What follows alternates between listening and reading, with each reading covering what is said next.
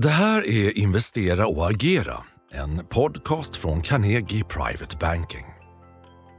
Klockan är 13.30. Det är torsdag 28 september. Riskakt aptiten på globala börser har i flera handelsdagar tyngts av en kombination av faktorer. Konjunktur, ränte och amerikansk budgetoro pressar börserna nedåt. Här lyfter vi blicken, vi ser framåt och istället och ställer de vanligaste och viktigaste frågorna om Carnegie Private Bankings nya strategi och allokeringsrapport som precis presenterats. Den heter Selektivt aptit.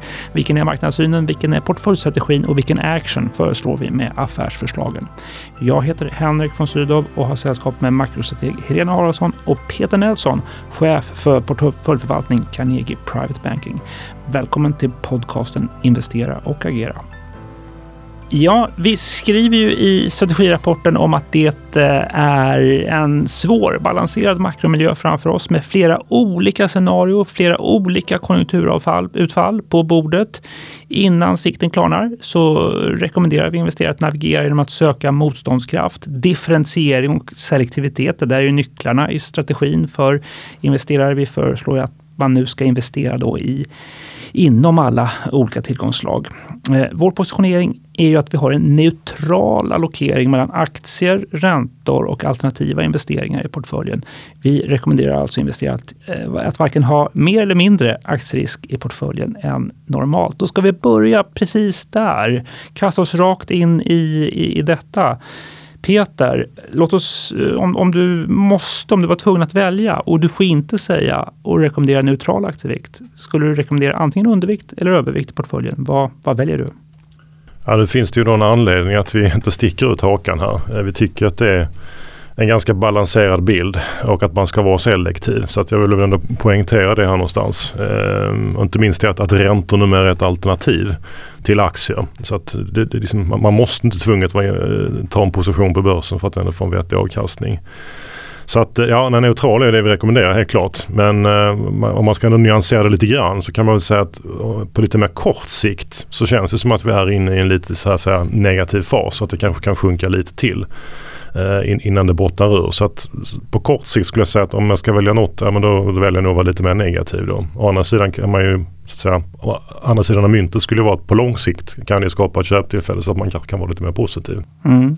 Ska vi resonera också om det där Peter, vad, vad skulle krävas för att du skulle bli mer optimistisk? Vad, vad, vad är tänkbara börstriggers? När kan du se att då kommer riskviljan tillbaka? Ja, vi har ju tjatat om inflation nu så länge så att jag får väl återupprepa det då. Får vi någon signal om att inflationen faller lite snabbare än vad, än vad marknaden tror eller vad vi tror och att därmed kanske även räntorna kan börja komma ner igen, sluta stiga. Jag tror det är där vi har liksom den, den enskilt viktigaste triggern. Sen kan det vara massa andra saker. Så att det skulle hända något stort i Kina som är positivt. Det kanske skulle kunna ändra bilden också lite grann. Men det är väl, det är väl inget vi tror på i närtid så att säga. Mm. Precis som Peter säger, Helena, makrorörelserna är ju förstås en nyckel i det här. Vad, vad, vad tror du framåt? Vad präglar och kännetecknar den globala konjunkturavmattningen 2024? Jag skulle vilja säga att det kommer präglas av inbromsning och fortsatt höga räntor. Och det är ju nyckelorden då till varför vi är selektiva, om du nu pratade om aptiten Peter. Men ser man på sektorer, då skulle jag vilja säga att nu har vi ju haft i de flesta länder någon form av kris i bygg, någon form av kraftig inbromsning i detaljhandel och nu är det väl investeringarna eh, som står på tur då med den här kreditåtstramningen när räntorna är höga. Så att kontentan är väl att man ska leta vinster som är motståndskraftiga och bolag med stark finansiell ställning. Mm. Du, Helena, lite grann samma fråga som jag ställde till Peter om du ska mm. välja sida. Eh, ser du att nedåtriskerna är större än uppåtriskerna för den globala konjunkturen? Mm. Då börjar vi med det tydliga. För 2024 nedåt.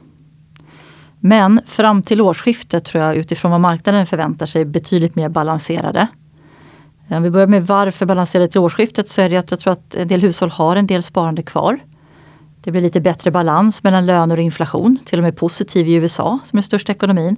Och faktiskt förvånande så har vi sett att consumer confidence i våras faktiskt har förbättrats. Och sen har vi ju faktiskt också kunnat skönja att många barometrar, framförallt på industrisidan, har, de har inte fortsatt försämras. Kan det vara början till en stabilisering? Men sen nedåt 24 inledde jag med att säga då, och det beror ju på ränte och inflationsutvecklingen, vår syn där.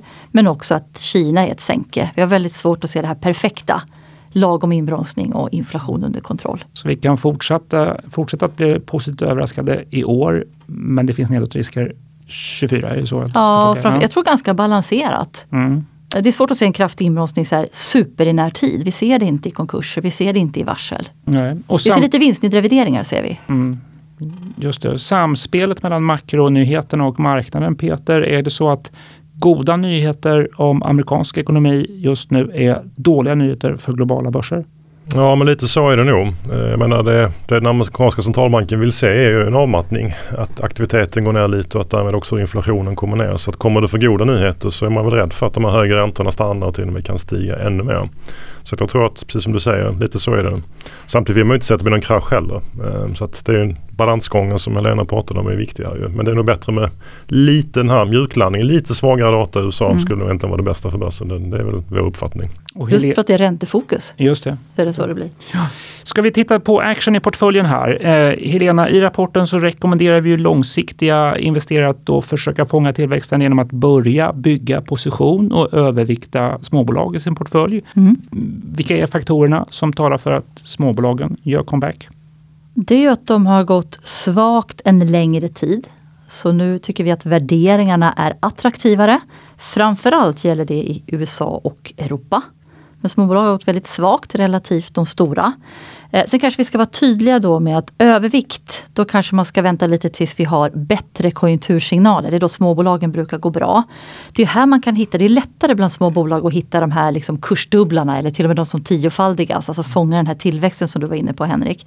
Men vad vi säger nu är att det är ett bra läge efter de här senaste årens underperformance för småbolag att börja bygga mot vad vi rekommenderar då är en, en normalvikt, kanske runt 15 procent. Mm. Och vill du resonera också om vad som kan vara en finansieringskälla källa för att öka investeringar i småbolag? Absolut.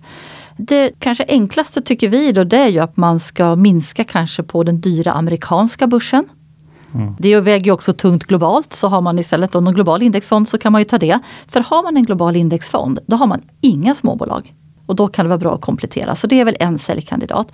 Den andra tror jag är om man framförallt har sin småbolagsexponering i svenska fonder. Då kan man faktiskt minska på det och öka då och diversifiera med ett mer globalt, eh, eh, globala småbolag. Det är våra råd. Peter, om vi pratar om utländska aktier och geografier som vi i rapporten är konstruktiva till och ser möjligheter i så har vi ju överviktat upp då den japanska aktiemarknaden. Varför tror vi på soluppgång i öst i höst? Jag tror först och främst handlar det om värdering.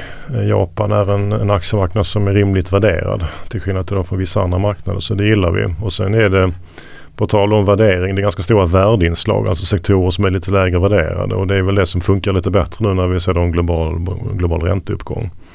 Sen dessutom så ser vi tecken på att man blir mer aktieägarvänlig i Japan. Man börjar kanske lösa upp lite sådana gamla korsäganden och bolagen funderar på att dela ut lite mer kapital till ägarna. Eh, genomföra den typen av reformer som, som aktieägare gillar. Så det, det, är väl saker vi tycker om. Och sen så det som också gynnar Japan är att inte de har samma ränteproblematik som vi har då. Eh, inflationen har varit lägre. De har ju hållit tillbaks på ränteuppgången där. Så att, sånt stimulerar. Sen kan man ju fundera på, det är, det är också en billig valuta. Så att vi tänker väl att den borde bottna ut här också. Så man kanske kan få med sig lite grann en valutarörelse också i Japan framåt. Att, att man får en lite starkare valuta vilket kan vara positivt. Då. Kombinationen av valutarörelse och låga värderingar mm. Eh, gör Japan aptitligt. Om vi då skulle öka exponeringen mot japansk aktiemarknad Samtidigt om vi talar om justeringar inom tillgångslaget utländska aktier, på vilken marknad ska investerare minska exponeringen? Helena nämnde ju USA där. Det kan ju funka som en källa också för japanska aktier.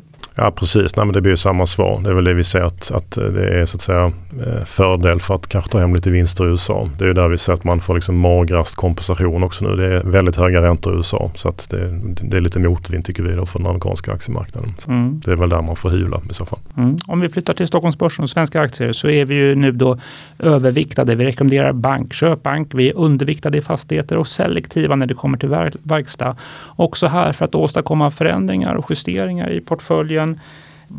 Vad tänker du kring aktier där det är läge för vinsthemtagning och ompositionering? Ja, vi har nog ingen enskild sådär sektor som vi, som vi pekar ut som finansieringskälla. Men eh, om man ändå skulle våga sig på någonting då tror jag nog ändå jag hamnar lite grann i det här sällanköp. Och det kan man tycka är lite slitet kanske för det är en sektor som haft det jobbigt tidigare i och med att konsumenterna är pressade. Men eftersom inte vi ser något omedelbart räntefall i närtid så, där, så tror vi väl att sällanköpsbolagen kan ha en hyfsat tufft framåt. Men jag tror att man ska botanisera på bolagsnivå och titta på bolag som har antingen där aktierna fortfarande är väldigt högt värderade för då har vi den här ränteproblematiken fortfarande. Plus om det är svaga balansräkningar någonstans. Där ska man nog passa sig. Det kan gälla även om aktierna har fallit mycket. Alltså det är man beroende av att kunna ta in kapital, att det finns en oro kring, kring kapitalsituationen. Det kommer nog vara en hämsko även under, under hösten och vintern här tror vi. Så att mer på bolagsnivå man ska botanisera. Där värderingen har sprungit iväg och i början på hösten kanske? Ja. ja en av de vanliga frågorna, det har varit många kundmöten i veckan här, en av de vanliga frågorna är ju förstås då kopplat till kronkursen och kronkraschen, eller kronkaoset som en del säger. Mm. Eh, hur, hur, tycker ni, hur ska, hur ska investerare agera? Hur ska investerare tackla kronkraschen? Ja, hittills har det varit glasklart att det är att ha mer utländska aktier. Mm. Det har gällt sedan i våras, det har gällt hela året och det har faktiskt också gällt under de senaste tio åren om man då tar hänsyn till kronan så har utländska aktier överavkastat. Det är mycket svårare här och nu. Då är det inte lika självklart att man liksom nu ska övervikta utländska aktier eller ha mer utav det. Vi tror ju, skulle vi kunna beskriva som ett väldigt neutral syn på kronan. Så vi tror inte på ett fortsatt ras. Eh, vi hoppas ju att kanske 12 stoppar mot euron och, och runt 11 ish mot dollarn. Eh, men vi har också svårt att se en varaktig upptrend, alltså mot en starkare krona. Om vi antingen då måste vi få se förmodligen att, att Thedéen är lite mer eh, aggressiv i höjningen än vad, vad Lagarde är på ECB. Eller att vi får se bättre riskaptit skulle mm. kunna gynna kronan. Men en av nyckelfaktorerna tror jag skulle vara någonting som händer i fastighetssektorn som skulle kunna vända det här. Och vi ser det ju inte riktigt än.